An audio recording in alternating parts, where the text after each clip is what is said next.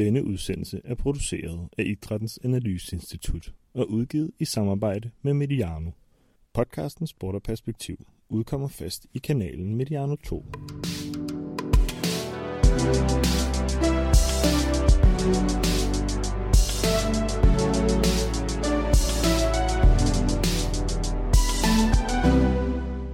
Velkommen til Sport og Perspektiv, en idrætspolitisk podcast fra Idrættens Analyseinstitut. Vi har indtil nu huseret over i den kanal, der hedder Mediano Sport og Perspektiv, men er her ved oprettelsen af Mediano 1 og Mediano 2 rykket over i toren. Mit navn er Stanis Elsborg, og jeg arbejder til dagligt for Play the Game, et initiativ, som hører under Idrættens Analyseinstitut, der arbejder for at fremme demokrati, åbenhed og ytringsfrihed i international idræt. Play the Game har gennem 25 år forsøgt at sætte fokus på nogle af de skyggesider, der er i international idræt, lige fra korruption i de internationale idrætsforbund, organiseret doping, matchfixing, seksuelle overgreb og krænkelser af menneskerettighederne ved store sportsbegivenheder. Ambitionen med vores øh, podcast her, Sport og Perspektiv, det er at skabe et rum for den idrætspolitiske debat, hvor vi sammen med forskellige interessante og aktuelle gæster tager os den tid, øh, der er behov for en dybtegående og perspektivrig dialog om sporten og idrættens mange facetter. I artiklen, som følger med til det her afsnit, der har jeg vedlagt en playliste over alle de udsendelser, vi har lavet indtil videre over i den gamle kanal. Men nu hører vi altså til her i Mediano 2, og i vores debutafsnit lægger vi ud med en snak om nogle af de mest omdiskuterede emner i international idrætspolitik. For i dag skal det nemlig handle om de udfordringer og dilemmaer, der er opstået i sportens verden efter Ruslands invasion af Ukraine, og nogle af de spørgsmål, der presser sig på i forhold til fodbold-VM i Katar, der venter i slutningen af året. Og en af de personer, der sidder lige midt i mange af de spørgsmål, har jeg med i studiet i dag. Det er nemlig Danmarks Idrætsforbunds formand, Hans Natop. Velkommen til. Tak skal du have, Stanis. Hans, jeg giver lige øh, lytterne en kort introduktion øh, til dig, inden vi øh, hopper ned i dagens emne. Udover at du er formand for DIF, så har du efterhånden også en øh, ret lang øh, karriere bag dig i idrættens verden. Øh, du deltog som aktiv ved OL i Seoul i 1988 i sejlads sammen med din bror Paul. Og jeg bliver nødt til lige, øh, hedder det 470? Det hedder 470 eller 470 jolle. Ja, øh, det blev ikke til medaljer, men til en flot øh, 21. plads har jeg, har jeg læst mig til. Så har du øh, fra 2010 til 17 været formand i Dansk Sejlunion. Du har også været councilmedlem i det internationale sejlsportsforbund World Sailing. Så har du også øh, været næstformand i Danmarks Idrætsforbund. Øh, det blev du i 2016 og har siddet i en række arbejds- og styregrupper øh, herunder. Og fra 21 blev du så formand for Danmarks Idrætsforbund. Og øh, jeg tænker, vi skal starte der, for den øh, 19. juni sidste år, der bliver du så øh, ved Danmarks Idrætsforbunds årmøde valgt som, øh, som formand for DIF. Nu er der gået næsten et år. Hvordan har det været på posten som, øh, som formand? Vildt spændende og hektisk og fantastisk. Det, det er en, øh, en, en super fed opgave at, at blive betroet at være formand for, for DIF, for Danmarks Idrætsforbund. Og øh, jeg tror, jeg sagde dengang, jeg blev valgt, at det var mit livs finale. Øh, så kan jeg jo sige, at det er lidt, lidt det er måske i virkeligheden lidt bagvendt, fordi finalen kommer jo ikke før øh, selve konkurrencen, eller kampen, eller indsatsen, om man vil. ikke. Jeg er jo i gang med, min, med mit livs indsats her i forhold til at, at, at lykkes med nogle ting, jeg har sat mig for på, på, øh, på idrættens vegne. Så, så det er vildt spændende, og jeg er super glad for, for tilliden til, at, at jeg skal løse den opgave.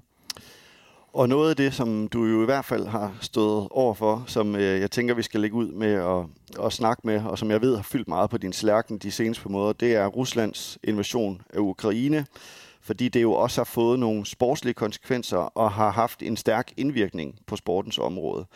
Øh, hvad har, hvordan har det været at skulle agere i det felt som formand? Øh, uforudsigeligt og, øh, og øh, meget, øh, jamen det, er jo, det er jo ukendt terræn. Altså sporten kommer jo ind på et område, som, som øh, jeg, jeg, jeg ved sådan ikke, hvordan man skal sige det. Altså, på en eller anden måde har, har, har sporten jo altid været i, i, et, i et pres politisk, men øh, er det sporten, der går ud også og, og markerer øh, tydeligt, at her står vi øh, sådan på sportens egne præmisser. Øh, det er jo sådan et, der er i hvert fald et spændingsfelt lige nu, ikke? Hvor, hvor tingene flytter sig. Og øh, der er jo ikke sådan rigtig en præcedens for, hvordan vi skal gøre det, så, så det er, skal vi ikke bare kalde det ukendt terræn. Men det er jo også det, som vi, vi er drevet af i sporten. Øh, vi vil jo gerne flytte os og gøre ting bedre. Og det er ikke altid et spørgsmål om hurtigere, længere, og højere og stærkere osv.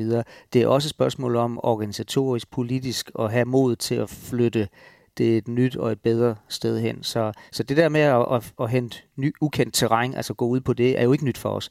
Men, men hele det politiske spændingsfelt, der, øh, det har jo fat i nogle områder, som vi normalt ikke på den måde er hægtet op på. Nej, og det, øh, hvis vi skal prøve at dykke lidt ned i sagen, så melder I jo hos DIF ret hurtigt ud, faktisk allerede den 26. februar, at I vil have Rusland udelukket for al sport. Og prøv lige at tage både mig og, og lytterne med ind i det maskinrum i de dage, altså hvor krigen bryder ud, mm. som jo også betyder, at der opstår forventninger til, at sporten må regere, fordi Rusland jo blandt andet er en stormagt, også i sportslig regi. Hvad er det for en proces, der bliver sat i gang hos jer der i DIF? Øh, altså, det, det, det er jo noget, som sker, der, der, der kom, det kommer meget pludseligt over, jeg ved ikke, om jeg skal sige, det er overraskende. Der er jo nok nogen, der har set, at øh, der var noget på vej her med Rusland og Ukraine. Men den 24. at Rusland går ind i Ukraine på den måde, som de gør, øh, er i hvert fald i sportens verden sådan et wake-up call. Og øh, der er ingen tvivl om den 24. at det kommer til at få en markant betydning for, hvordan vi arbejder, og hvad det er, vi kommer til at blive, blive bedt om at forholde os til, og hvad vi også selv proaktivt skal forholde os til. Øhm, hvad vi så skal gøre ved det, det udvikler sig jo lidt hen ad vejen, fordi der er rigtig mange faktorer i det her. Der er et hensyn til mennesker, til atleter. Lige pludselig står vi jo i en situation, hvor verden kigger på Rusland og siger, at det her det er uacceptabelt. Og det bliver jo projiceret over på mennesker, på atleter, øh, unge mennesker, som pludselig skal møde hinanden i sport, som vi siger, det er ikke politisk, men omverdenen siger, hvordan kan I møde russiske atleter i den her situation? Det kan I da ikke, agtigt. Og det er sådan det rent menneskelige hensyn. På den anden side, så er der jo noget i forhold til alle strukturer og systemer, og hvad er det for nogle rammer, man er indenfor. Kan man bare tillade sig at blive væk, fordi man synes, at det her det er, det er for vanskeligt at håndtere? Hvad er sanktionen og straffen på det efterfølgende? Øh, hvad siger hvad siger alle institutionerne i den internationale idrætsverden, de store internationale forbund, og hvad siger lovgivningen omkring det? Og, men i bund og grund, så havner vi jo meget hurtigt et sted, hvor vi kan sige, at det her drejer sig ikke om lovgivning.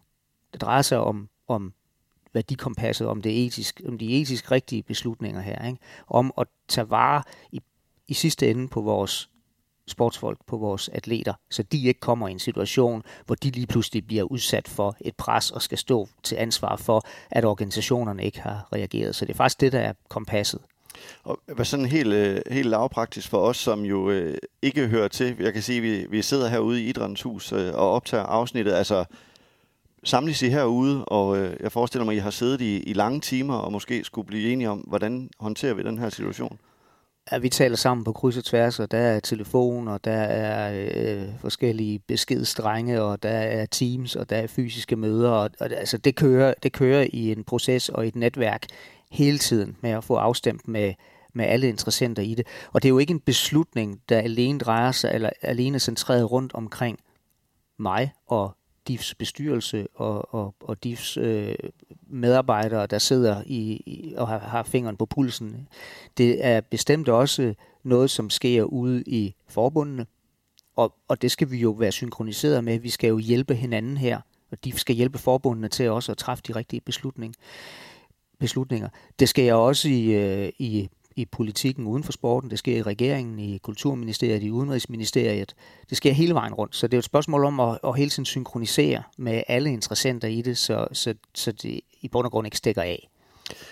Du nævner selv før, at, at krigen jo sådan bryder ud der den 24. februar, hvor I også er ude med en melding, altså som jo ikke er den melding, I kommer med den 26. hvor I vil have Rusland udelukket. Der er I lidt mere tilbageholdende, og vil øh, I melder blandt andet ud, at I vil holde øje med situationen, og hvis der kommer sanktioner øh, på statsligt niveau osv., så vil sporten også følge med. Men I går jo så faktisk ud halvandet døgn, to døgn senere, er meget markante i jeres udmelding.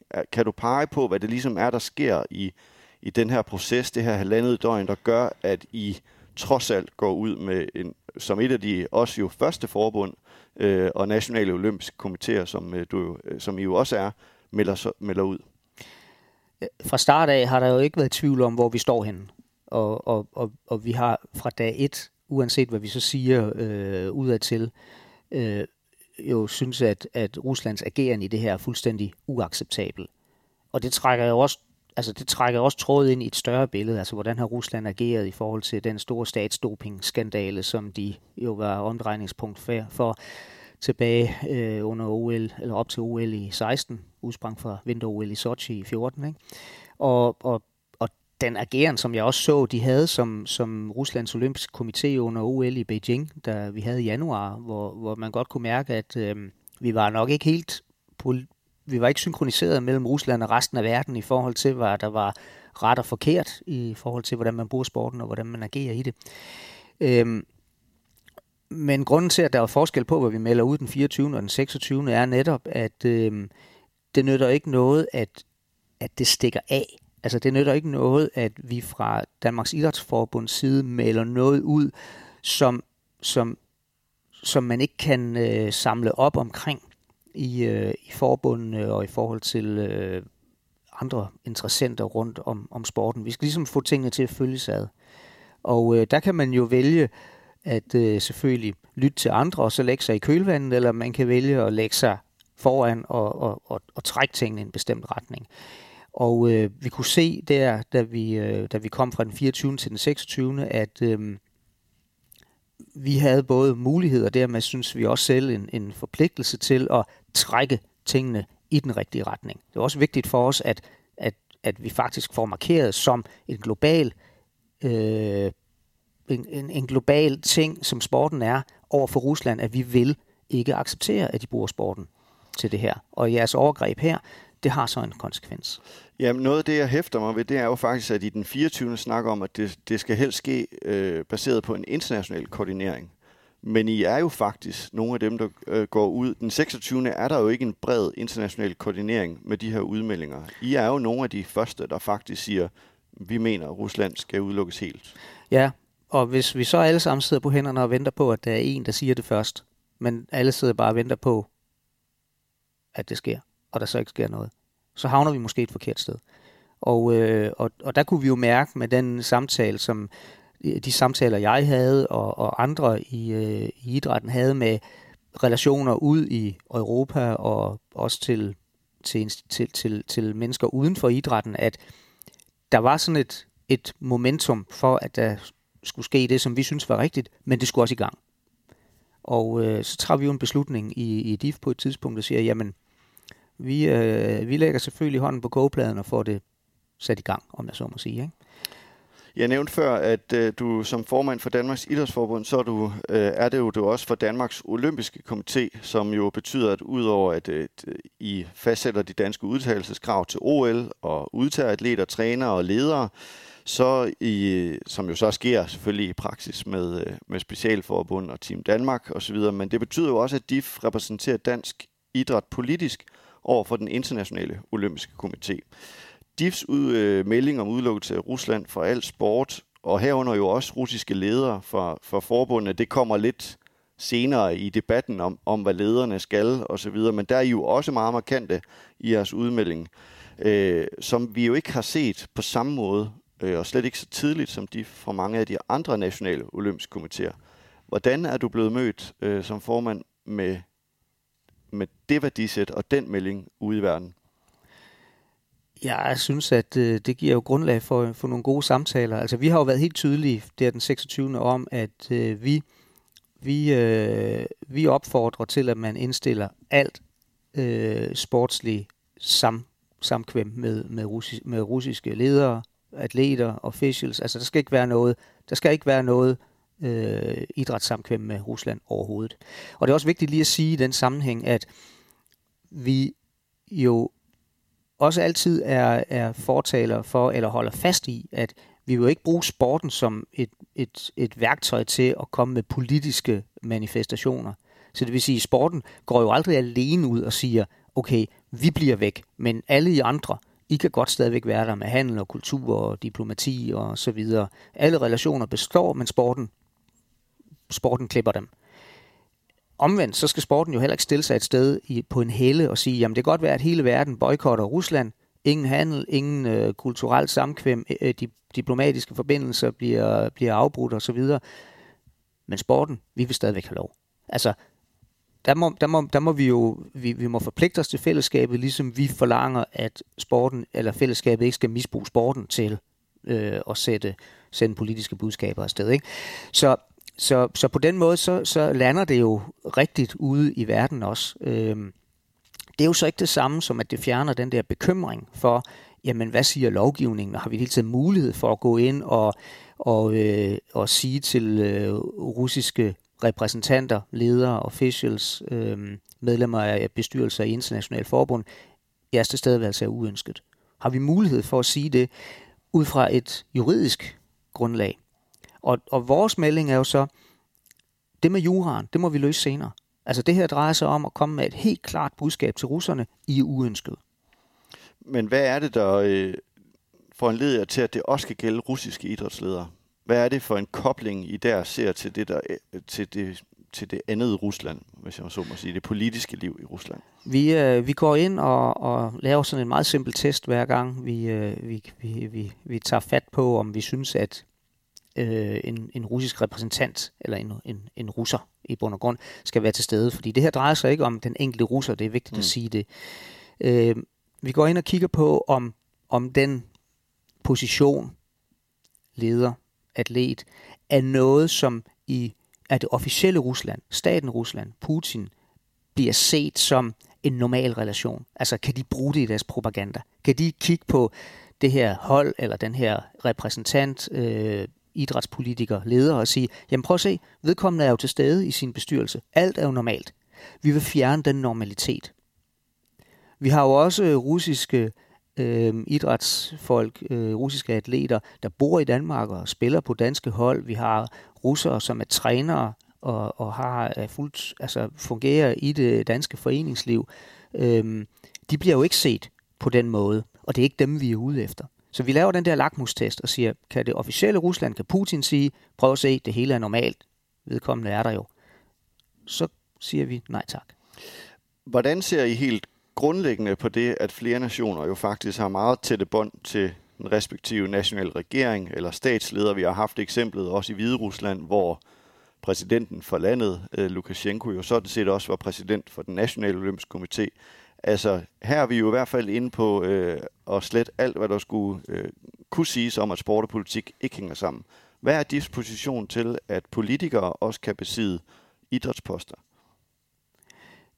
Det, det, som, det, som vi lægger vægt på, det er, at, at det politiske system skal ikke bruge sporten som et redskab.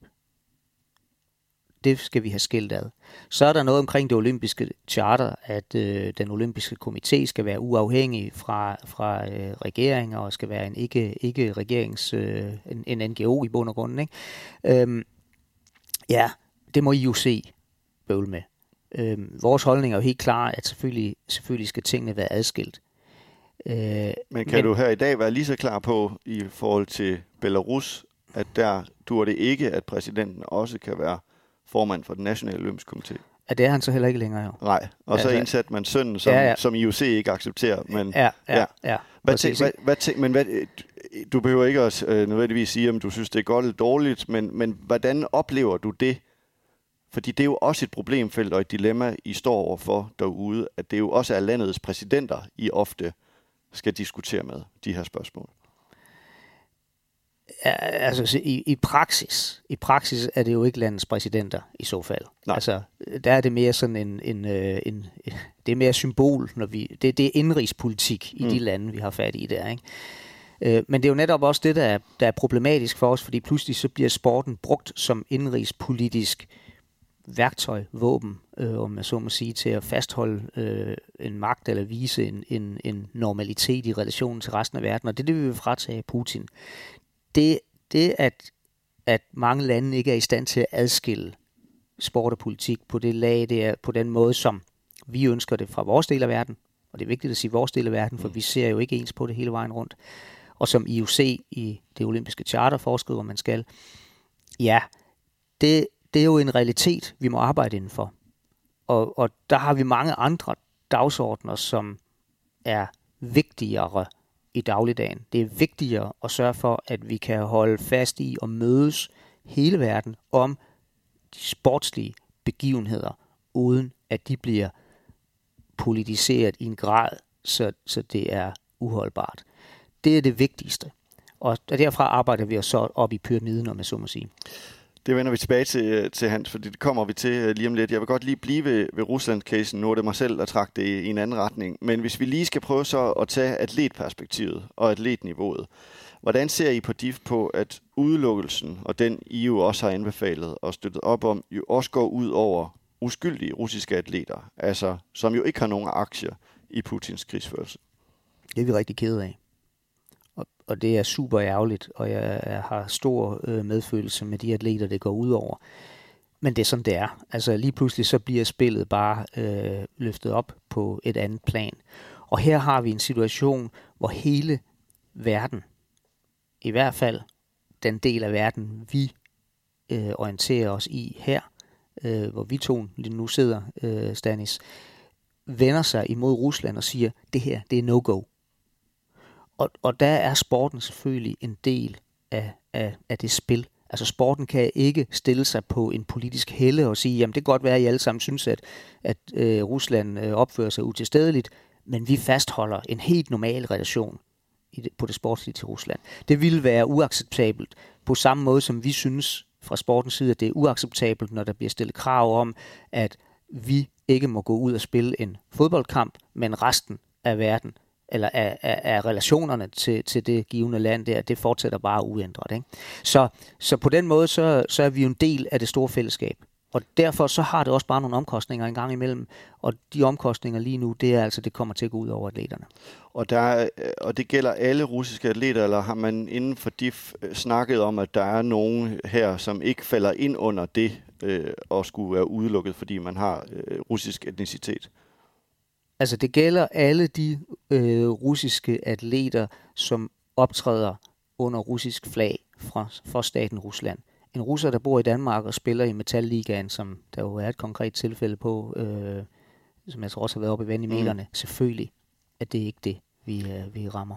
Der er, et, der er også der er et andet øh, dilemma, som øh, kunne være atleter, som jo i princippet, det kunne være tennisspillere for eksempel, som jo som sådan egentlig ikke stiller op øh, for Rusland. Har man nogle vurderinger der for de, hvordan man takler de situationer, eller anser man også dem for at være repræsentanter for, for Rusland? Fra, fra, fra DIFs side, der synes vi, at de også skal udelukkes. Fordi de har så stærk en profil, at set fra Ruslands øh, regering og fra Putin, at de er en repræsentant, som man, som man soler sig i, om jeg så må sige. Jeg siger, prøv at se her, vedkommende er jo til stede, og, og, og får lov til at spille, så hvad er problemet? Og han stillede mig frem til, fordi det er jo netop det, som vi har diskuteret i mange år, og som mange har diskuteret i rigtig mange år, også før jeg var en del af diskussionen, nemlig sammenblandingen af sport og politik. Hvordan har du oplevet debatten om netop det forhold, der er mellem sport og politik, har udviklet sig over de senere år? Øh, den flytter sig jo hele tiden, øh, og egentlig kan man sige, at, at uh, Ruslands situation her er, er, er, som jeg oplever det, faktisk med til at nuancere den lidt. Fordi vi jo nu har en situation, der viser den anden side af mønten. Altså jeg har jo oplevet gennem en del år, øh, også omkring øh, Katar, mm. som vi sikkert også kommer til at snakke lidt om, øh, med, med fodbold-VM, der skal foregå her senere på året, at øh, der er nogen, der ønsker, at øh, vi selvfølgelig ikke stiller op og, og spiller VM. Men alle, alle andre relationer til Katar, de består. Vi har stadigvæk handelsrelationer, vi rejser stadigvæk på ferie til Katar, vi, øh, alt er normalt i forhold til Katar. Vi må bare ikke spille fodbold der. Øhm, det, det, det er for mig at se en, en, en, en, en ensidig øh, tilgang til det, og et forkert krav at stille, fordi de atleter, som vi beder om at gå ind og, og øh, så tage det ansvar og sige, vi bliver væk, det er jo ikke deres ansvar, at, at der er taget en beslutning, der er forkert for mange år siden, om at der skal være en begivenhed i Katar, som er VM i fodbold, eller vinter-OL i Beijing, vi lige har haft. Ikke? Mm. Det er ikke vores vintersportsatleter, der er skyldige i, at de skulle til Beijing. De har til gengæld brugt et helt liv på at forberede sig på noget, som vi alle sammen er stolte af, at de yder en indsats for Danmark, og vi sidder med Dannebro og, og, og, og jubler og, og huder og, og hæpper på dem. Øhm, så, så det er faktisk at bede dem om at træde ind på en arena, som ikke er deres. Ansvaret for, hvorhen vi, vi øh, går ind og sætter, sætter foden i, den kommer meget tidligere, og den ligger på mit bord, ligger ikke på atleterne. Når der så sker det, at Rusland går ind og begår et overgreb på Ukraine, så er det den anden side af mønten, fordi hele verden vender sig imod Rusland og siger, det vil vi ikke være med til. Sporten er på den måde ikke et redskab. Sporten er en del af fællesskabet der. Og selvfølgelig er sporten lojal over for fællesskabet og siger, vi er der heller ikke. Vi fratager også Rusland den normalitet, som det vil være at have normale relationer. Så du oplever ikke, øh, som jeg hørte der, så lyder det mere som om, at det er en generel vending i samfundet, som har ændret sig i nødvendigvis forståelsen og forholdet mellem sport og politik, der gør, at, at der bliver handlet, som det gør over for Rusland. Øh, for mig ligger det fuldstændig i tråd af, hvad vi har sagt hele tiden. Altså jeg synes ikke, der er noget, der har ændret sig i den, i den holdning og den tilgang til det, vi har haft fra Danmarks Idrætsforbunds side og fra sporten selv. Øhm, jeg synes, at, at debatten nuancerer sig. Mm. Altså der kommer en større forståelse af, hvad er rollefordelingen egentlig her? Altså hvorfor kræver vi, at sportsfolk skal tage det ansvar? Ja. Det er ikke deres ansvar vi skal jo pege på nogle andre og sige, I skal tage ansvar. Pege på mig og sige, jeg skal være med til at tage ansvaret med, sammen med de internationale forbund og organisationer i forhold til, at vi i fremtiden ikke får truffet nogle beslutninger, der gør, at vi skal sidde og diskutere, øh, om det er om øh, Beijing og menneskerettigheder eller øh, migrantarbejdere i Katar, som er nogle frygtelige dagsordner og, og, og på ingen måde i orden men det er ikke sportens ansvar. Men oplever du, at, at øh, Danmarks Idrætsforbund og sportsverden generelt har de her politiske spørgsmål øh, mere... Øh, der står flere ude på døren og banker på og stiller spørgsmålstegn ved den del af sporten også? Øhm, stiller spørgsmålstegn? Nej. Har holdninger? Ja. Øh, gør, gør opmærksom på, eller, eller kommer og banker på, fordi sporten får en, øh, altså platformen udvikler sig hele tiden, ikke? Putin, Putin identificerer sig, skaber et selvbillede igennem sport, og misbruger skamrider sporten, set som jeg ser det, på, øh, på, på, på den dagsorden, han bruger den til. Ikke? Øhm, og, og, og det gør jo, at der kommer flere, der kommer flere interessenter ind og, og kigger på det her og siger, øhm, pas det nu på og sørg nu for at agere rigtigt i det. Ikke? Men det interessante det er jo, at det er jo ikke nyt, at Rusland bruger sporten til propaganda, men det er jo nyt, at sporten agerer. Altså, der var jo også en situation i 2008, hvor Rusland i forbindelse med OL i øh, Kina gik i krig med Georgien. Der var annekteringen af Krim jo øh, i forbindelse med de øh, olympiske og paralympiske lege i 2014, hvor sporten jo slet ikke i samme omfang som nu har reageret. Så øh, i virkeligheden er det jo lidt ledende, at jeg synes jo netop, at, at debatten også må have flyttet sig meget, meget markant, for hvis man går tilbage i arkiverne, er der i hvert fald ikke mange, øh, og det gælder ikke kun Danmarks Idrætsforbund, men som løftede øjenbrynene særlig meget i 2014 for eksempel. Uh, nej, altså jeg vil sige, øh, nu har jeg jo siddet i, i øh, jeg har også siddet på indersiden i, i et internationalt forbund i World Sailing, og jeg vil sige 2014 og, og annekteringen af Krim, øh, gik ikke ubemærket hen, om jeg så må sige. Det har skabt mange interne problemer øh, alene i det ene forbund, jeg kender, jeg mm. kender til i, i sejlsporten, øh, hvor jeg kender det fra indersiden. Øh, det, der, sker, der, sker nogle, der sker nogle ting, når vi får krig på vores egen dørtærskel. Og jeg tror faktisk også, at det er en, en, en katalysator til sådan et, et, øh, et meget hurtigt skifte, som det vi oplever lige nu. Og Europa der har vi jo sådan en, en opfattelse af, at vi alle sammen er enige om øh, de værdier, vi står på, og, og, og hvad er ret og forkert her, og menneskerettigheder og good governance, transparens. Øh, men det er jo ikke tilfældet i Europa. Sådan er det ikke. Du kan, du kan have en lille eksklusiv klub omkring Norden, som i virkeligheden heller ikke er sådan fuldstændig alignet på det her. Vi er også meget kulturelt forskellige i Norden alene. Ikke? Øhm, Europa har været delt op i øh, gamle øh, østblokstater, og, og, og da Sovjet blev opløst, øh, der voksede antallet af stater i Europa jo øh, med, med mange, som alle sammen hver sag har en individuel stemme ind i det europæiske fællesskab. Og der har bestemt ikke været enighed i Europa omkring, at øh, Rusland på dopingsiden for eksempel har været nogle skurke. Det har der ikke. Der har været en kamp og, og, og bare holde den fra døren. Ikke? Men nu laver Rusland krig i Europa på dørtærskelen til os. Det har ændret billedet markant. Et land som Polen for eksempel idrætspolitisk er gået fra at være øh, en virkelig varm fortaler og ven af Rusland til at være en af dem, der bare holder døren lukket. Men det interessante for mig, synes jeg, er, at der, jo, at det jo, der er jo alligevel et skifte. Der er også et skifte for Danmarks Idrætsforbunds retorik over for Rusland, fordi det er rigtigt nok, at krigen foregår i, i Europa nu, men det gjorde den jo også med annekteringen af Krim. Det var også Europa, hvor Putin også gik langt over en grænse. Øh, og der er det jo som om, at sportsverdenen trods alt har flyttet sig. Øh, og du nævnte også indledningsvis, at der, der var mange faktorer for jer, der gjorde, at man nu heller ikke kunne byde Rusland velkommen med, at der var en dopingskandale osv. Øh, men er du nervøs for, at det her jo også danner præcedens for fremtidige krige, som vil betyde, at sporten skal reagere? Øh, nervøs, altså... jeg, jeg tænker, hvis jeg var nervøs, så ville, så ville, så ville, så ville det sådan være... Så, så, nej, jeg, jeg vil ikke bruge ordet nervøs. Altså, men, men det skaber der et, det skaber, det, altså Rusland har med det, de har gjort med sporten gennem mange år, og hvor vi efterhånden er ved at være tyndslidte på det. Mm. Og, og, og den oplevelse, jeg havde af Ruslands tilstedeværelse i Beijing, var jo også, hey, kære Rusland, vi vil jo faktisk gerne have jer ind i fællesskabet.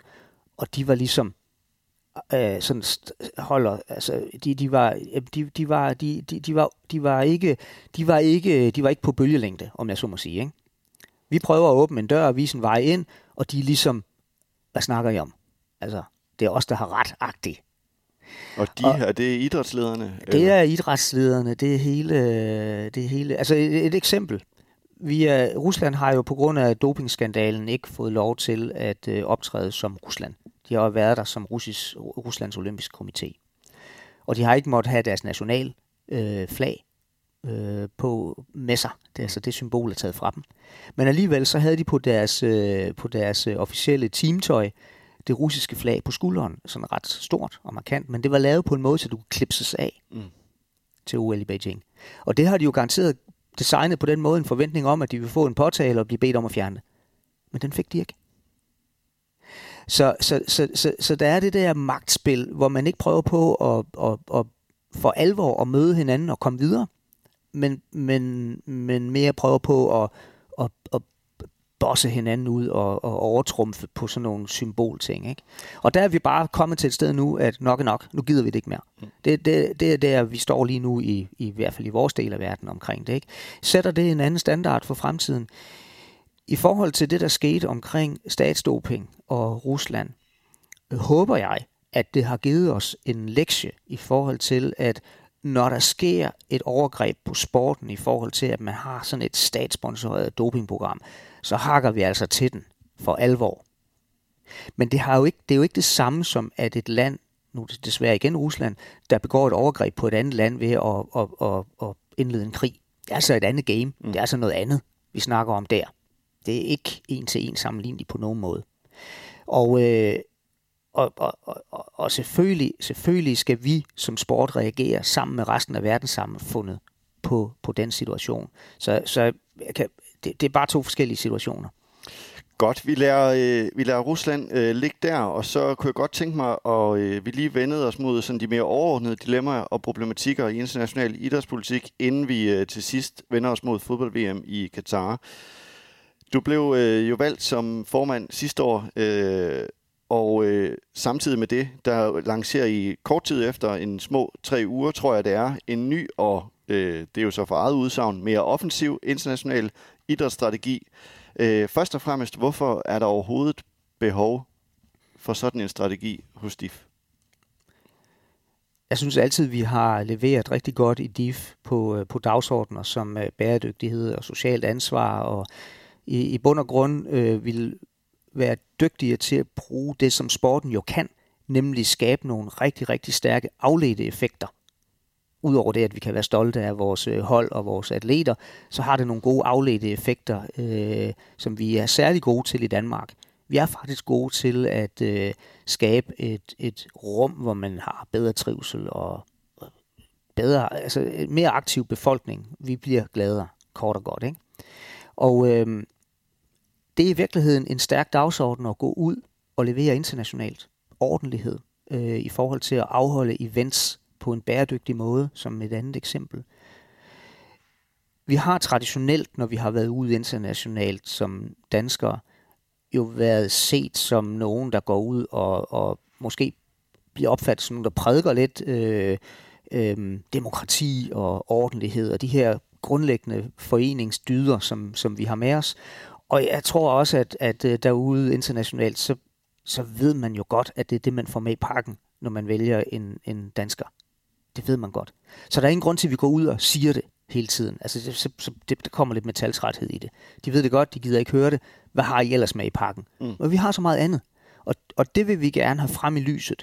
Så for at få det frem i lyset og få sat nogle dagsordner, som vi også idrætspolitisk på tværs af alle de mange øh, dygtige idrætspolitikere og ledere, vi har ude i de internationale fora, også har en fælles platform at stå på, at det drejer sig om bæredygtighed, det drejer sig om at, at få vores gode tilgang til øh, at få en aktiv befolkning og alt det her med nogle konkrete værktøjer ud.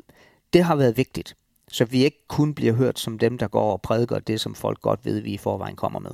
Men noget, som jo øh, måske har ligget mellem linjerne før, men som blev meget tydeligt i den nye strategi, det er de tre grundlæggende værdier, som I vil arbejde øh, for eller fremme, øh, tænker jeg, ude i, ins- i det internationale idræts Øh, øh, det er værdierne demokrati, åbenhed og ansvarlighed. Er det også et signal om, at det er værdier, I synes, der mangler i international idræt? Du bliver aldrig færdig med at arbejde med de værdier. Det bliver du aldrig. Altså, du kan ikke sige, når nu er vi der, så skal vi finde på noget andet. Det er en vedvarende proces, og hvis du ikke bliver ved med at have fokus på, at det er det, der er vores, det er det, det, det, det, det, er det grundlag, vi står på, så mister du det. Så, så det er jo lige så meget for at, at, at minde os selv om og omverdenen, at det er det, vi står. Altså, det er det, man får, når man har en dansker ude. Men så lægger vi jo noget konkret ovenpå. Altså, vi går jo ud og siger, vi vil i de internationale øh, forbund og de internationale organisationer arbejde benhårdt for, at et kriterie som menneskerettigheder og bæredygtighed kommer til at indgå, når man tildeler værtskaber til store events.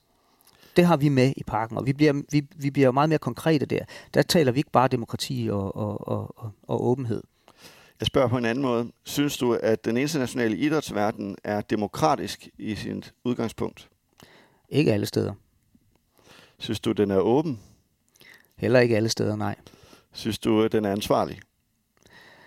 Jeg synes, at der bliver truffet mange gode ansvarlige beslutninger, øh, som der gør i, i, vores, i vores internationale relationer i det hele taget, ud fra en kontekst, man sidder i.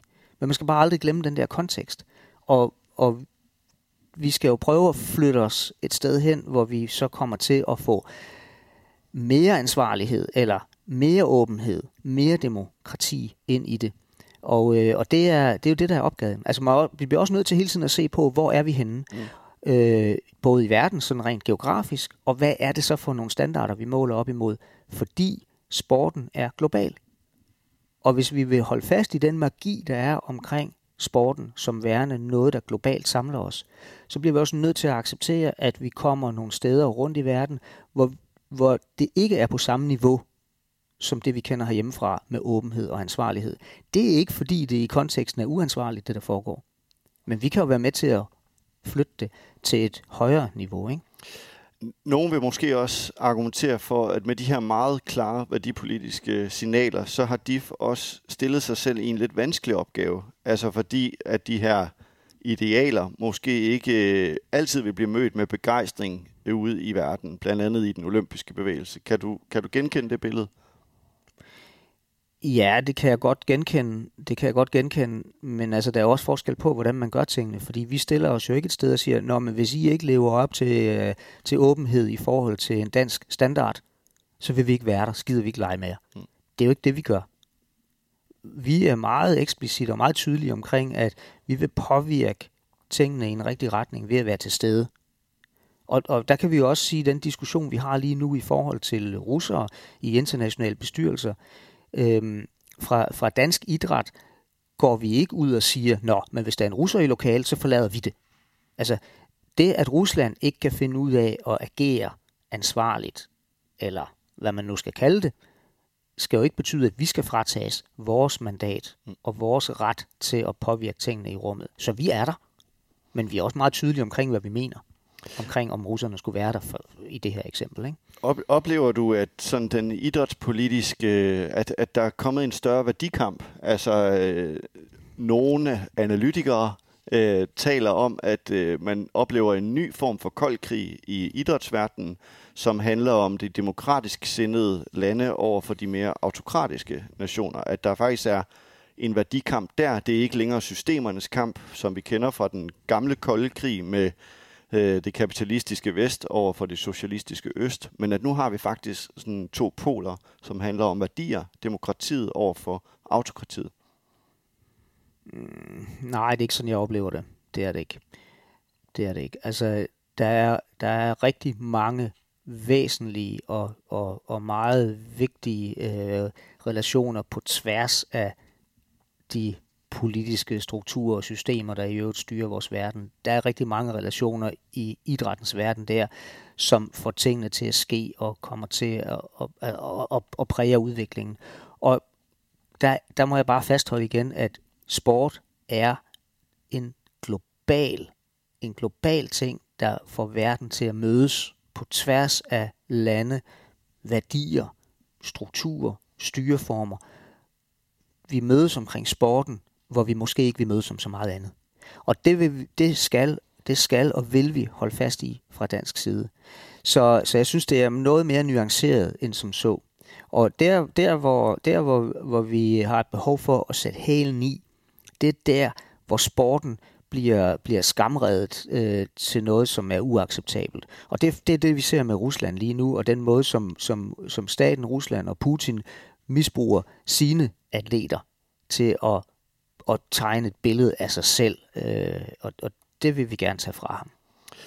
I skriver også i øh, jeres internationale strategi, at øh, over de seneste år har vi set, det vil sige, det, det noget de har set, en større centralisering af magten i den internationale olympiske komité, og I skriver videre, at hos DIF der ønsker I at starte en dialog, hvor I i respekt for IOC's historie drøfter mulighederne for reformer i måden, hvorpå organisationen træffer beslutninger. Hvordan er viljen i IOC anno 2022 til at høre på DIFs reformforslag? Det er en proces. Det er en, det er en lang rejse, det her. Øhm, så viljen til at tale med DIF er stor. Vi kommer med nogle, vi kommer med nogle rigtig stærke, øh, skal vi kalde det, leverancer ind i den internationale øh, idrætsverden. Vi er rigtig dygtige til at arbejde med bæredygtighed. Vi er rigtig dygtige til at arbejde med at få aktiveret mennesker i, øh, i sporten. Vi, vi kan mange ting, som er vigtige, også for, for IOC. Og det giver også en taleret til at deltage i debatten omkring, hvordan skal man så få lige præcis det, du, du rører ved her, Stanis, den, den demokratiske mm. del af det, til at udvikle sig. Jeg tror, hvis vi var kommet ind og havde sagt, det er det her, vi vil snakke om, og ikke andet, øh, så, havde, så havde situationen nok været anderledes. Men det, men det er en lang rejse, det her, så vi, vi, vi, øh, vi, vi, øh, vi skubber på mange forskellige plan. Og udgangspunktet er altid, at vi skal kunne mødes globalt omkring sport. Det er der, vi starter. Og Hans, nu prøver jeg at se, om vi kan få øh, gule bjælker og breaking øh, nu. Kan du her i dag sige, hvad det er for nogle konkrete ændringer og reformer, man kunne ønske fra DIF som man gerne ser ske i UC? Nej, ikke ud over, hvad vi to har talt om. Altså, vi vil have mere demokrati, vi vil have mere åbenhed, vi vil have mere ansvarlighed. Okay. De ja. ting der, Stanis, de går jo også lidt hånd i hånd, fordi ja. en af grundene til, at, at øh, udviklingen i IOC er gået en vej, hvor man jo i virkeligheden er blevet mere udemokratisk i forhold til at træffe visse beslutninger, er jo fordi, man har haft et behov for at få en større ansvarlighed ind i, hvad det er for nogle beslutninger, der bliver truffet om for eksempel værtskaber. Ja. Du kan sige, OL i Beijing Øh, puha, vi havde valget imellem Oslo, øh, Kazakhstan øh, og så Beijing. Oslo trak sig, Ja. Og så havde vi Kazakhstan eller, eller Kina. Ikke? Og det var, det var skidt. Og, og, og, Og, og ret det har været med være til... ret, at, at Oslo trak sig, fordi IOC havde ret øh, vilde øh, Ja, ja. krav også, Jamen, ikke? ja, til var- afholdelsen af det her kæmpestore mega-event med veje, hvor kun IOC kunne køre, lufthavne, hvor kun IOC kunne lande. Prøv at høre, det var, det var så skidt en historie, som noget kan være. Øhm, men konsekvensen af det har jo været, at nu er der en anden budproces Ja. omkring OL, som udefra set er black box Ja. og udemokratisk. Den er mere sådan corporate, men man kører nogle forhandlinger, men, men den er jo ikke demokratisk i form af, at vi sidder og stemmer om det. Så, så det element er væk. Til Ja. gengæld så har vi så øh, ikke, vi har ikke udfordringen med at skulle diskutere øh, menneskerettigheder ved de kommende OL'er på samme måde, som vi har skulle med Beijing. Ikke? Nej, og lad os håbe, at nogle af de mange dygtige journalister, der også har øh, kigget for andet, også måske kigger øh, den her vej trods alt. Bare lige for lytterne, den, den budproces, der er nu ved OL, handler jo om, at man nu har lavet det, der hedder Future Host Commission, hvor der sidder en lille skare, som laver en anbefaling til IOC's bestyrelse, som så træffer beslutning om, hvem der skal være værter. Er det i tråd med DIFs ønske om åbenhed i international idræt? Det er i tråd med ansvarlighed. fordi vi stoler på, at de mennesker, der sidder på den top, træffer en ansvarlig beslutning. Ja, og, og hvilket vi også kan se, at, at har været tilfældet. Ikke? Men vi kunne godt tænke os mere åbenhed i forhold til, hvad det er for nogle bud, der så er blevet evalueret, og hvordan har den forhandlingsproces været. Ja, altså kriterierne for, hvorfor Ja, det er ja. endt ud til for eksempel Brisbane i, i 2032. Præcis, ikke? Men der må vi så også bare sige, nu er vi, hvor vi er her Mm. øh, i dag, og, og det er jo ikke det samme som, at vi siger, men det er så fint, og så kigger vi på noget andet. Altså, vi, vi, vi vil gerne påvirke, at vi hele tiden flytter tingene her. En, en, en anden sjov debat. Øh, nu, lige nu har vi, øh, har vi snakket om, om vi skal have OL til Danmark. Jeg synes, det er jo, det er jo fantastisk, at øh, vi har en, en kulturborgmester i København, der synes, at øh, den, den smider vi på bordet. Den dialog vil vi altid gerne have. Og nu skal vi ikke diskutere, hvorvidt det er realistisk at få OL til København eller ej, men der er en væsentlig pointe. Hvis, hvis lande, som vi identificerer os med, aldrig kommer til at give bud på OL, så ender vi jo med altid kun at sende OL til Mellemøsten eller Kina eller, eller lande, hvor vi synes, det er problematisk. Så vi bliver jo også nødt til selv at byde til og finde ud af, hvad er grundlaget egentlig for, at det kan lade sig gøre at få OL øh, ud i øh, de steder, hvor der er åbenhed, demokrati og ansvarlighed. Altså med det ønske om at prøve at præsentere IOC for et bud, der kunne lade sig gøre, som ikke hedder, at man skal betale 55 milliarder dollars, som vinter-OL i Sochi kostede. Koster det ikke mere end det? Nej, det er ikke helt op på Katar-summer, men Men altså for, for, fordi hvis det skulle kunne lade sig gøre med et OL til Danmark, på nogen måder, hvilket jeg har meget svært ved at se, fordi vi hverken har øh, faciliteter eller kan, kan rumme det, så kræver det jo, at IOC's meget lange kravliste bliver ændret dramatisk. Og det, det hører jeg dig så sige, det kunne være en jeg af de vil, reformer, jeg, vil næsten, jeg vil næsten tro, at den allerede er ændret der dramatisk. Okay. Jeg tror, at øh, oplevelsen efter Oslo også var et wake-up call for, Ja. for IOC. Og hvis du kigger på Paris øh, 2024 næste gang, vi skal ja. til OL, som, som jo bliver det mest bæredygtige OL nogensinde, og, og for mig er det ikke bare en floskel. Jeg, har, jeg kom hjem fra Paris i sidste uge og, og, og mødte øh, mange af de mennesker, der sidder helt inde i kernen omkring det her. De tænker langt Mm. og ud af boksen i forhold til, hvordan et OL skal være øh, med, et- med et helt andet bæredygtighedsaftryk, end, end det vi har set tidligere. Det bliver super spændende at følge. Så, så, så det er jo i, i, i fuld gang, det der. Øhm, hvis vi skal diskutere OL i København, og det synes jeg så ikke, vi skal, vi skal gøre her, fordi så meget tid har vi ikke, Nej, Stanis. nej. Og vi skal Men- også have nogen, der ved meget mere, end Men det gør. der, det, der er interessant, det er, hvad er det, vi vil med det? Hold det op på det store perspektiv. Så snart vi to begynder at diskutere, hvad vi kan. Så mavelander det jo. Mm. Så, så lige nu er det interessant at diskutere, hvad er det, vi vil med det. Og det har jo mange andre gode afledte effekter. Ja, så siger du, vi har ikke faciliteter nok. Nå, men lad os tage en snak om, hvad det er for nogle faciliteter, vi egentlig vil gerne have for at understøtte det danske idrætsliv. Der Ikke? ligger en indbydelse til dig øh, efter sommerferien, Ja, det er så fint. kan, kan vi tage den der. Ja, Hvis vi lige skal vende os mod det her med at få indflydelse i IOC, så sidder der jo i dag, øh, kunne nogen sige, desværre jo ikke øh, nogen medlemmer i IOC med dansk pas. Kronprins Frederik trak sig ud sidste år, og Paul Erik har også valgt at trække sig på grund af, af personlige årsager. Svækker det DIFs muligheder for at skabe forandringer? Nej, det synes jeg ikke umiddelbart, det gør. Øhm, vi vil selvfølgelig rigtig gerne have et IOC-medlem i, i, i fremtiden. Jeg tror, alle lande, alle olympiske komitéer, nationale olympiske komitéer, de har selvfølgelig en ambition om, at de også er repræsenteret i IOC. Øhm, vi har stærke relationer ind i IOC, både på politisk og administrativ plan. Øhm, jeg har stærke relationer til mine kolleger rundt om i Europa og kender rigtig mange IOC-medlemmer og præsidenter for internationale forbund. Så, så, så på den måde er, er jeg bestemt ikke bekymret for det. Nu prøver jeg igen med, med, med nyhedsbreaking. Betyder det, at I at DIF er i gang med at køre ind i stilling til og skal ind i IOC? Det er ikke helt sådan, det foregår. Nej, okay. Så, du, IOC, IOC er jo på den måde ikke en... Øh, altså, du fører ikke en valgkamp for at komme ind i Nej, IOC, vel? man fører diplomatiske øh, samtaler. Ja, og ja. diplomatiske samtaler er også et spørgsmål om at levere en indsats og, og, øh, og og, øh, og, og være til stede øh, på, en, på en proaktiv, konstruktiv måde, og det er Danmark. Så jeg er helt sikker på, at vi skal nok få et IOC-medlem i fremtiden igen. Øh, ja, vi har, vi har været i en meget gunstig position for Danmark med, at vi altid har haft et IOC-medlem. Det har vi så ikke lige nu. Vi er altså ikke det eneste land i verden med en, med en dygtig olympisk komité, som ikke har et IOC-medlem vi har masser af forbindelser og god indflydelse, så, øh, så, så det er ikke et akut problem. Og der er vel også den lille finurlighed, at det jo sådan set er IOC, som har en repræsentant i Danmark.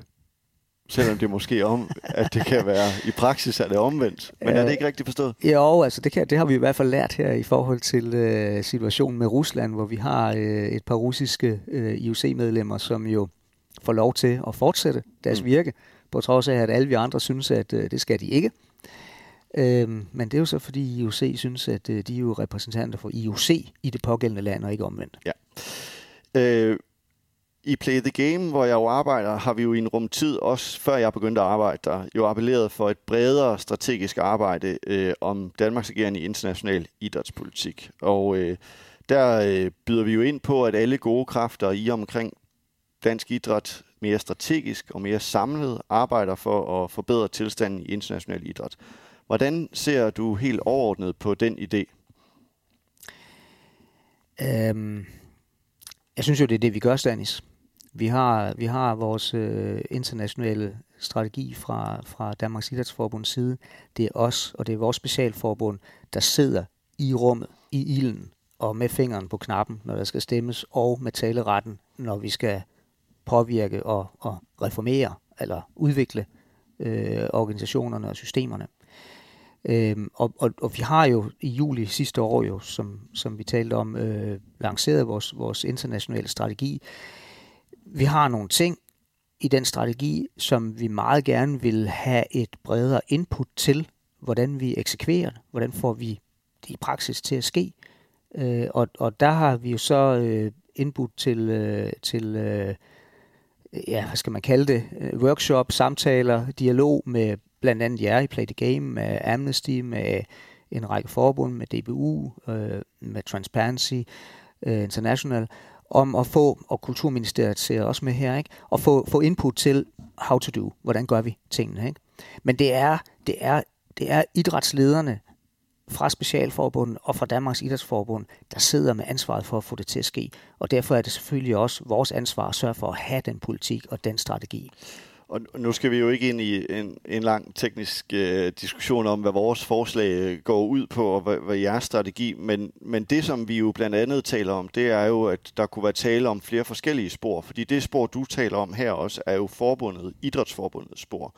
Kunne man forestille sig, at vi også i dansk øh, perspektiv også med den udvikling, der har været om debatten om sport og politik, også fra politisk hold, øh, kunne se flere spor, altså et mellemstatsligt spor, hvor flere aktører også har en aktie. Altså, det kunne være et mellemstatsligt spor, hvor politikerne spiller en rolle. Vi har set en Halsbro Jørgensen, vores kulturminister, øh, have flere øh, papirer og agendaer med ned i øh, de forer, hvor hun er. Ser du et større sammenspil her, end der har været førhen i dansk idræt? Jeg ser et godt samarbejde og jeg, jeg, har, øh, jeg er meget glad for at have stor respekt for det arbejde, som vores kulturminister gør i øh, de fora, hvor hun har adgang. Ja. Så hvor Anne Halsbro Jørgensen kan gå ud og påvirke regeringer. Der er det meget positivt, at hun går ud og gør det. På samme måde som vi går ud og påvirker idrætsorganisationerne. Og, og det hjælper jo også, at, øh, at øh, kulturministeren har været ude og få lavet øh, en, en, et, et skriv med 37 øh, underskrifter på fra europæiske lande og også uden for Europa, der siger, der, der kommer med nogle klare budskaber i forhold til, øh, hvordan landene skal agere omkring det at bruge eller ikke bruge sporten. Der kan vi jo gå ud til de respektive idrætsorganisationer i de lande og sige, jamen prøv at se, jeres regering siger jo, mm. at I skal agere sådan her, og Rusland skal ikke være der, for eksempel. Så du oplever, at det, også, det kan også give et mandat i, i jeres arbejde, at vi også har et politisk spor, der arbejder for nogle af de samme værdier, som Det giver et mandat på den måde, at, øh, at øh, dagsordenen bliver løftet stærkere, øh, fordi den også bliver taget i de rum, hvor vi som idrætsorganisationer ikke har adgang. Ja. Altså, vi har jo ikke adgang til regeringsfora. Så vi kan ikke gå ud og sige til et andet lands sportsminister, kulturminister, udenrigsminister, gider I godt lige lade være med at bruge sporten til sportswashing på den måde, som I gør det, det gider vi simpelthen ikke se.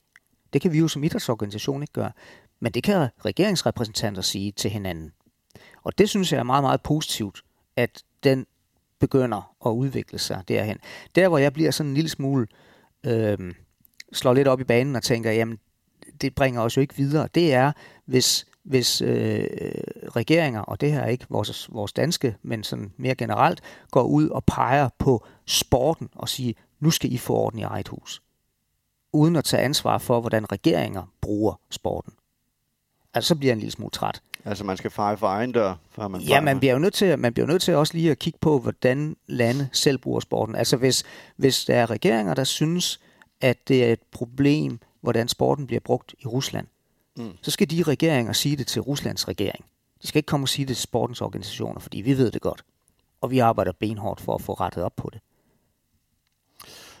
Et andet øh, del af det her, det er jo, at øh, jeg hører jo sådan set, at øh, vi er meget enige trods alt, og det er jo også den oplevelse, vi har haft i debatten. Og øh, ser du det ikke også som et, et nybrud, at der er større vilje for DIF til at engagere andre aktører i det her arbejde?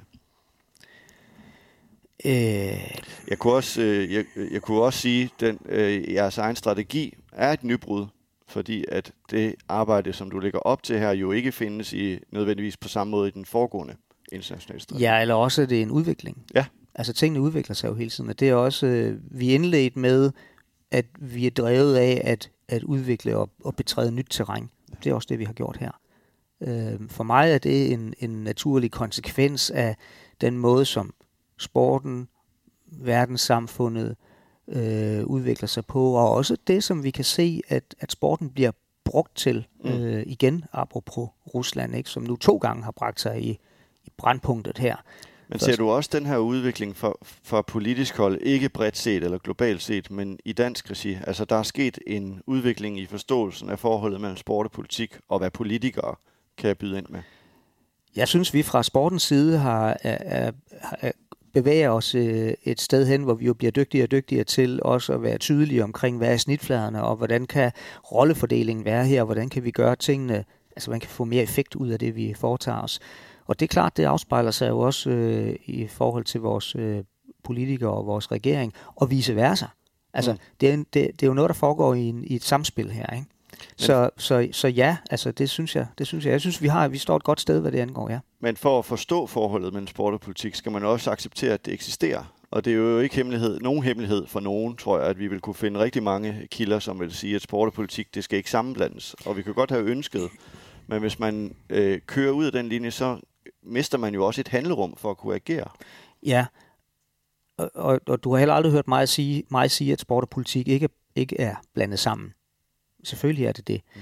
Men der, hvor vi altid er meget, meget tydelige fra, fra Danmarks Idrætsforbund, det er, vi vil ikke bruge vores sportsfolk, vores atleter, til politik.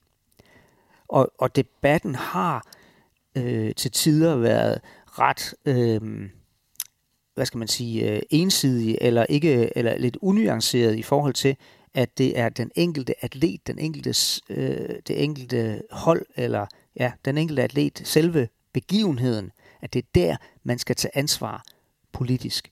Det er altså ikke atleternes opgave. Og, og vi begynder at flytte os væk fra, fra lige præcis kun at se på det, og jeg holder, jeg holder fast i, det er ikke atleternes opgave. Hvis vi har en begivenhed et bestemt sted, så skal vores atleter være der, hvis verdenssamfundet i øvrigt har en normal relation Men Men er til det- sted. Men alle andre steder, mm. alle andre steder, er der selvfølgelig altid et samspil imellem sport og politik. Vi indgår lojalt i fællesskabet. Fællesskabet er selvfølgelig også lojal over for ikke at misbruge sporten. Så lad os hoppe til et af de mest politiserede sportsbegivenheder øh, i det her årtusinde, måske nogensinde, nemlig øh, VM i Katar. Vi startede året ud med vinter-OL i Kina, som måske kunne komme ind på en anden plads, hvis vi skal begynde at rangere. Og lige nu sidder vi midt i øh, Ruslands krigsførelse i Ukraine, og så i slutningen af året skal der afholdes fodbold-VM i Katar. Det er den klart mest omdiskuterede sportsbegivenhed i nyere tid. Helt grundlæggende, hvad er så DIFs holdning til, at Katar skal være værter for VM i fodbold senere i år? Det er en rigtig dårlig beslutning. Det skulle selvfølgelig aldrig have været en beslutning, der blev taget. Nu er den der. Og selvfølgelig skal vores landshold spille til VM. Men det ændrer ikke på, at det var en dårlig beslutning. Og øh, jeg vil godt lige udfordre den der, Stanis, med, at øh, det mest politiserede, det er VM i Katar. Det kommer lidt an på betra- be- betragterens perspektiv. Vi to har været i flere debatter, så vidt jeg kan huske, hvor, hvor emnet har været OL i Beijing. Mm. Men vi ender med at tale om Katar hele tiden. Fordi det er alt for farligt at tale om Kina. Mm-hmm. Fordi vi taler dansk udenrigspolitik. Og Altså, det er vi, hverken- vi taler jo meget gerne om Kina, men Det- der er andre, der ikke har lyst til Jo, det. jo, men, ja. men debatterne har bare flyttet sig et andet sted hen, ikke? Ja, Fordi uha, altså begynder at udfordre Kina, det er godt nok farligt. Udfordre Katar, oh, det er mere omkostningsfrit. Øhm, så, så det kommer jo lidt an på betragterens Ja. perspektiv her. For, personligt, for mit vedkommende, har det faktisk undret mig, at debatten om Kina og vinter i Kina fyldte så relativt lidt, Ja. øh, og først kom så sent og det, der, kan, der kan vi jo hurtigt danne en enighed, for det har fyldt alt for lidt. Det interessante ved Katar er jo netop, det har fyldt så meget, og så lang tid før slutrunden finder sted. Det er jo også helt nyt farvand for idrætspolitikere at skal agere i. Ofte vil det jo være den her øh, ritualdans, hvor vi et par måneder før begynder at diskutere, at der er en begivenhed i Kina, og der er noget med menneskerettigheder, eller det kunne være VM i Rusland i 18. Så kommer vi lidt tættere på, at vi diskuterer menneskerettighedssituationen, og hvem har ansvaret, boykot, ikke boykot, så er sportsbegivenheden der.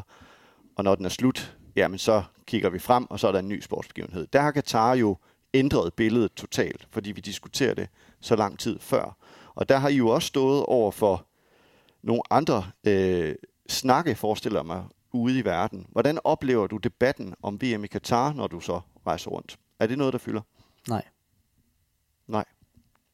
Det, det gør det ikke. Altså, de lande, som deler vores syn på pro- problemerne i Katar, og har en debat om det, ja, du kan tælle dem på en hånd. Altså, det er virkelig ikke ret mange. Men man diskuterer vel så heller ikke Kina? Mere, Okay. mere end det.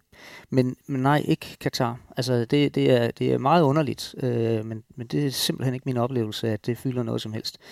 Øh, Oplever du det som et problem? det fraholder, afholder jo ikke os fra at rejse det.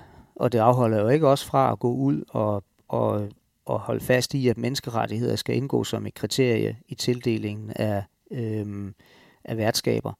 Men det næste stas, øh, gode spørgsmål, der kommer der, Stanis, i sådan en proces, det er så, men okay, men, men hvordan så omkring menneskerettigheder? Fordi du kan jo finde lande hele kloden rundt, hvor du kan sætte et eller andet finger på noget omkring menneskerettigheder. Så hvordan går man så ind og, og, og, og sætter et, en, en målparameter op på det der? Ikke?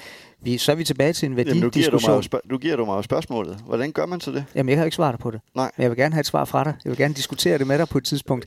Jamen, Men... Men- man kunne jo diskutere det øh, grundlæggende spørgsmål, som øh, vi jo har diskuteret sammen før, også, også med andre i det her hus, fordi, nemlig hvor går, hvor går idrættens ansvar?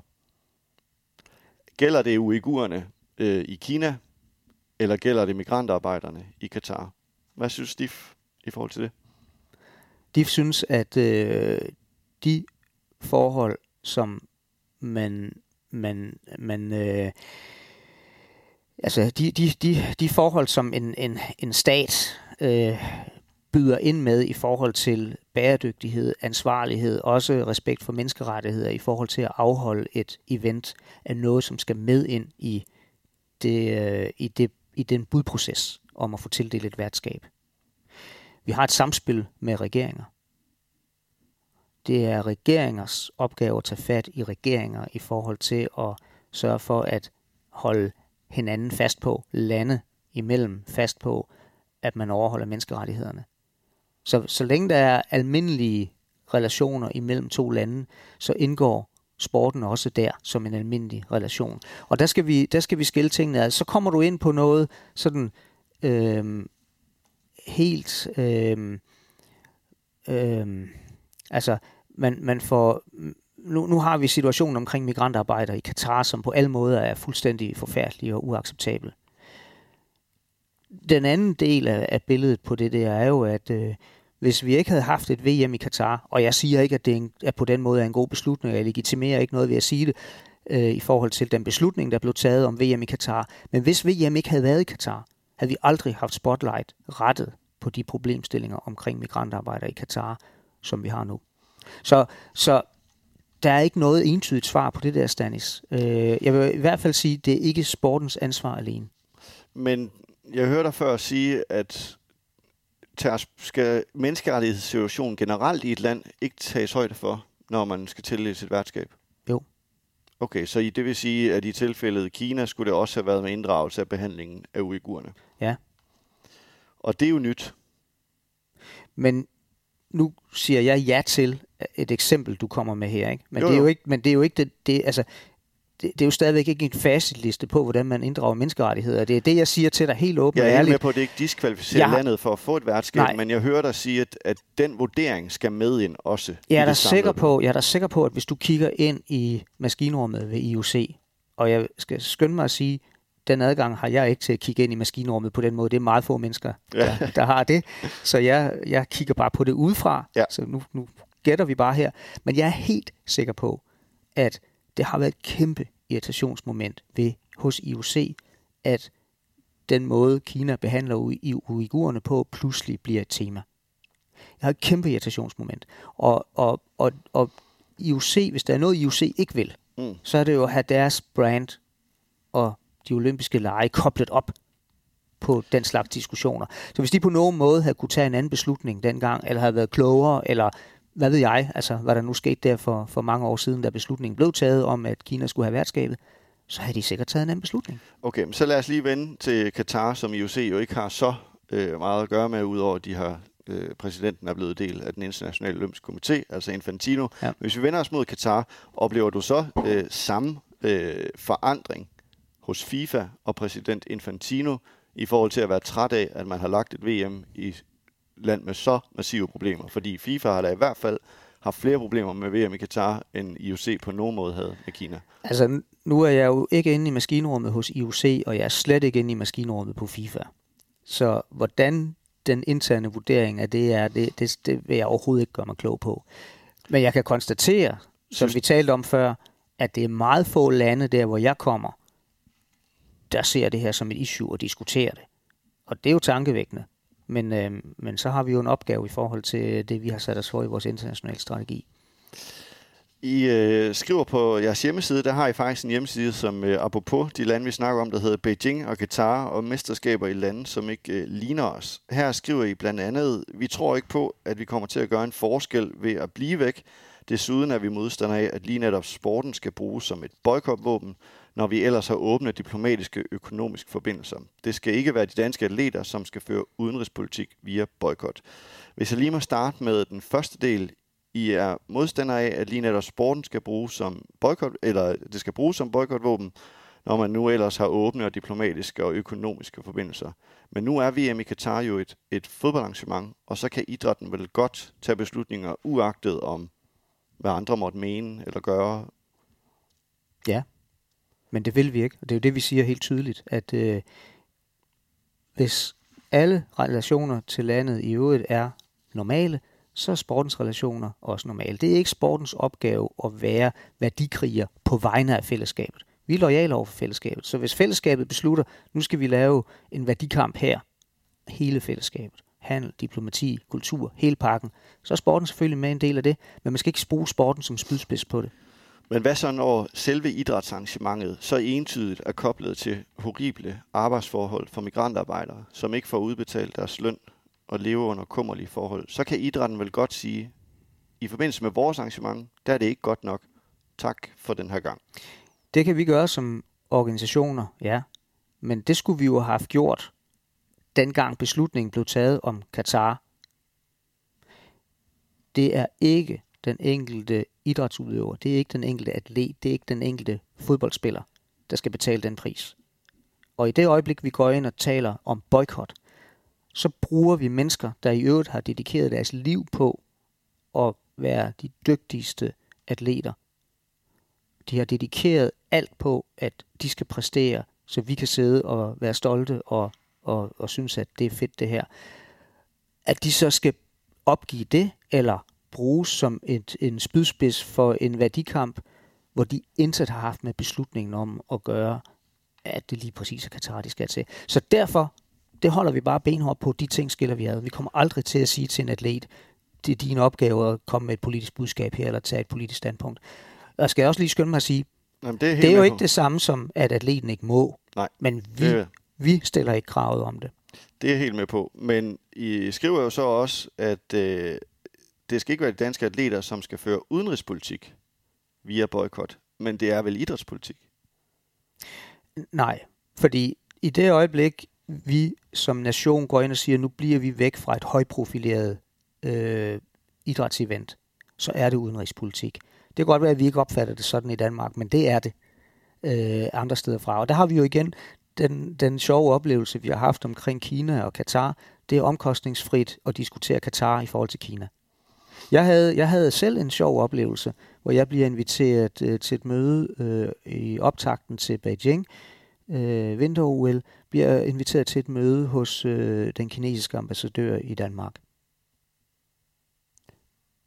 Hvad sker der, hvis jeg siger ud fra et rent idrætspolitisk perspektiv, det vil jeg ikke, fordi jeg vil ikke have en relation til øh, værtskabet her.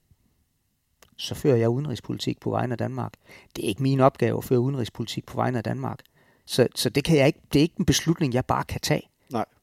Okay, så lad mig lige prøve at vende tilbage, og det er egentlig fordi, at jeg synes, der ligger et interessant dilemma her, som jeg er med på, at der ikke findes noget facit på.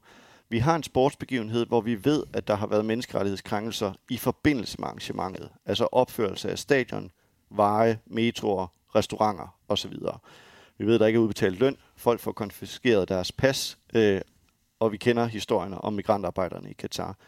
Der kan idrætten vel godt sige, det er ikke godt nok uanset hvordan det så måtte være med menneskerettighedssituationen ellers i Katar, altså at homoseksuelle, øh, ikke, er man, ikke, er, men det må man ikke være ifølge lov, at man i hvert fald slet ikke vise det offentligt, mænd og kvinder er ikke lige for loven. Men selve når der er forbrydelser, øh, ikke forbrydelser, krænkelser, menneskerettighedskrænkelser, i forbindelse med selve arrangementet, der kunne man vel godt som idrætsverden sætte mere strengt ind. Ja, det kunne man, og det gør man jo også. Altså, det er jo det, det, er jo det vi gør hele tiden i forhold til at, at få spotlight på, at det der, det var en dårlig beslutning. Det vil vi ikke se igen i fremtiden. Men, Vi- Hans, det er vi alt, kommer- du- men det er med udgangspunktet, øh, bare lige for, at vi, fordi at I ikke har redskabet boykot. Det, vil, det har DIF ikke. Nej. Nej. Det har vi ikke. Så derfor så vil man, øh, og det bliver jo skarpt sat op nu, men derfor ville Katar sådan set kunne have lavet alle de menneskerettighedskrænkelser, man måtte gøre, men idrætten vil ikke sige fra. idrætten kommer ikke til at være spydspids i forhold til Katar. Hvis, hvis et land, hvis Danmark går ud og siger, nu kapper vi alle relationer til Katar, vi stopper al erhvervs, øh, vi stopper al handel, vi stopper diplomatiske forbindelser, vi har ingen kulturudveksling, slut med Katar, så er idrætten heller ikke til stede i Katar, så tvivler jeg på, at vores øh, fodboldlandshold kommer til at spille i Katar. Godt, vi, vi lader den ligge der. Øh, formanden for det norske fodboldforbund, Lisa Klarvenes, holdt jo på øh, FIFA-kongressen i Doha her for en halvanden måneds tid siden en tale, hvor hun jo blandt andet sagde, at i 2010 blev VM tildelt til Katar på en uacceptabel måde med uacceptable konsekvenser. Menneskerettigheder, lighed, demokrati, kerneværdierne i fodbold var ikke i startelveren før mange år senere. Der skal tages så er de til skadekommende migrantarbejdere og af de familier, som har mistet et familiemedlem til forberedelserne til VM. Der skal ikke være plads til ledere, som ikke vil være vært for kvindefodbold. Der skal ikke være plads til slutrundeværter, som ikke kan garantere sikkerhed og respekt for LGBT plus personer, som kommer til drømmenes teater. Hvordan ser du på sådan en udmelding? Det er jo en stærk udmelding.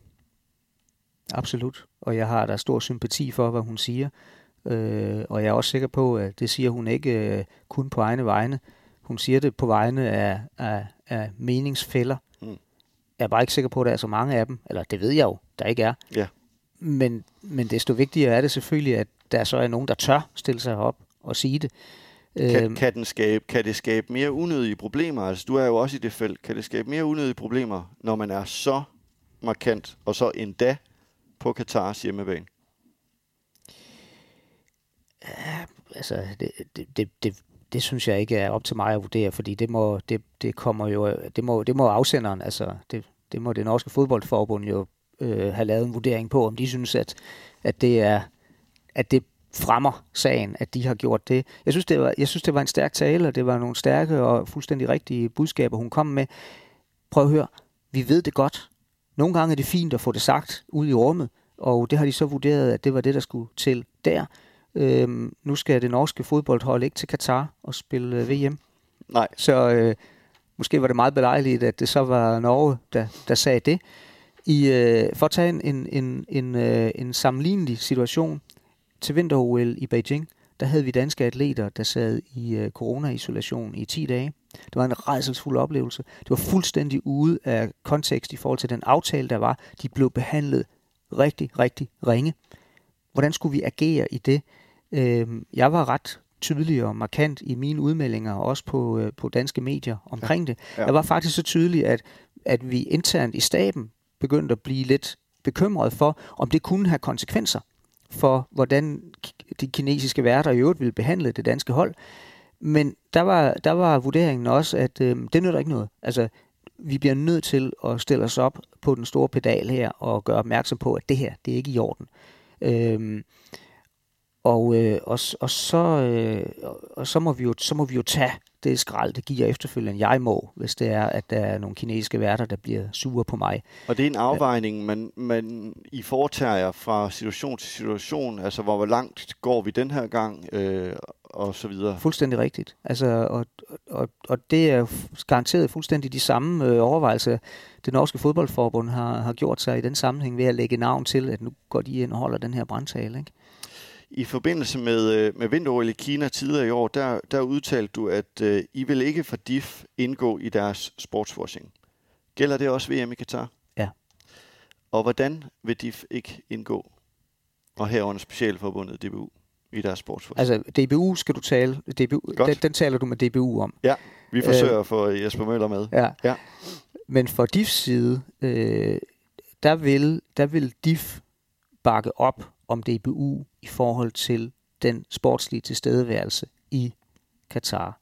Og vi, er selvfølgelig, vi har selvfølgelig altid vores internationale idrætsstrategi øh, med i bagagen, og, og, har, og har dialog og, og påvirker med den alle de steder, hvor vi nu er til stede. Mm. Men det drejer sig om at være til stede for DBU og for det sportslige. Så der, hvor der måtte være arrangementer, hvor øh, en, en situation, hvor hvor, hvor skulle jeg være dernede og blive inviteret til et eller andet, som er løsrevet fra, fra DBU, øh, men har med staten Katar at gøre. Det er ikke det, jeg er der for. Mm. Kunne det indebære, at man for eksempel til VM og OL ikke længere vil se danske idrætsledere til åbningsceremonien? Nu er åbningsceremonien jo en, en, en begivenhed, hvor landet får lov til at vise, hvem de er, øh, og på den måde en meget politisk øh, scene og platform for landet. Altså det er jo virkelig et sted, hvor man har verdens opmærksomhed. Ja, det er fuldstændig rigtigt, men det er en del af, af begivenheden. Så, så, øh, så vi kommer ikke til at gå ind og sige, at vi boykotter en åbningsceremoni øh, øh, som hold. Men som leder? Jeg er leder for holdet. Ja, nu er jeg ikke leder for holdet i forhold til DBU. Det er DBU's formand, men nu taler vi OL, ikke? Ja, OL, ja. hvor man har åbningsceremonier og så videre. Ja. Nej, jeg er leder for holdet, så jeg står selvfølgelig last og bræst med holdet, så selvfølgelig er jeg til stede der. Kunne du se det som et, et værktøj og et, og et signal, de vil sende?